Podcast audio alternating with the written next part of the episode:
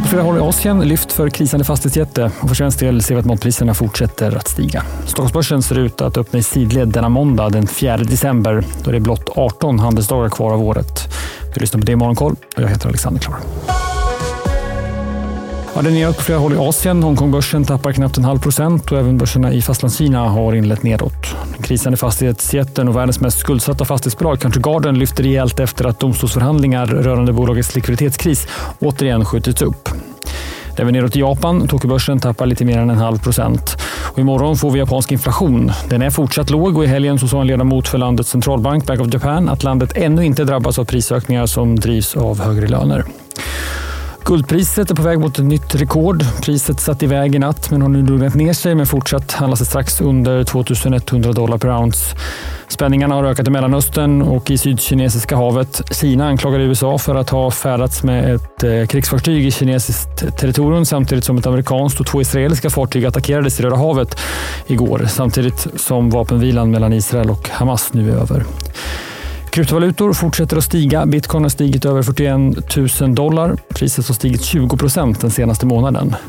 Och på räntemarknaden har amerikanska långräntor stigit ett par punkter efter den tydliga nedgången innan helgen då Fed-chefen Jerome Powells uttalande tolkades ganska duvaktigt av marknaden. Tioåringen står nu på morgonen i 4,25. Hej, Ulf Kristersson här.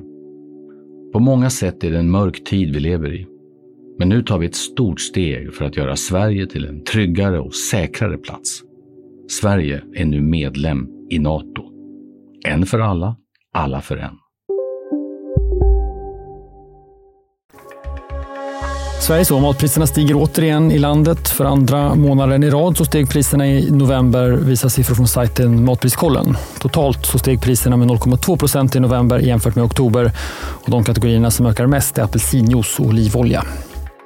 Lastbilsjätten Scania kan lämna Södertälje om de politiska villkoren i regionen för industrin inte förbättras. Det här säger bolagets chef för industriell utveckling Lars-Henrik Jörnving. Scania har sitt nav i Södertälje med ungefär 17 000 anställda. Mer om den intervjun hittar ni på sajten di.se. En titt på veckans agenda. Vi ser fram emot kinesisk inflation och amerikansk sysselsättningsstatistik. Idag får vi den svenska Riksbankens protokoll från det senaste mötet då en enig direktion valde att hålla räntan stilla på 4 Imorgon tisdag räntebesked från Australien. Likt Sverige senast väntas räntan lämnas oförändrad. Vi får också japansk inflation som jag nämnde tidigare och även kinesiskt inköpschefsindex kommer i veckan även från europeiskt håll. Och så amerikansk sysselsättning då på fredag, något av veckans huvudnummer. Sysselsättningen väntas öka med kring 180 000. Det efter att den var något svagare förra månaden då sysselsättningen i landet ökade med 150 000 jobb. Sätter punkt för det i Morgonkoll, men de har inte missat att eh, DTV intervjuat investeraren Katie Wood som grundat och fortsatt är investeringschef på Ark Invest. En av bolagens största bett är på elbilstillverkaren Tesla.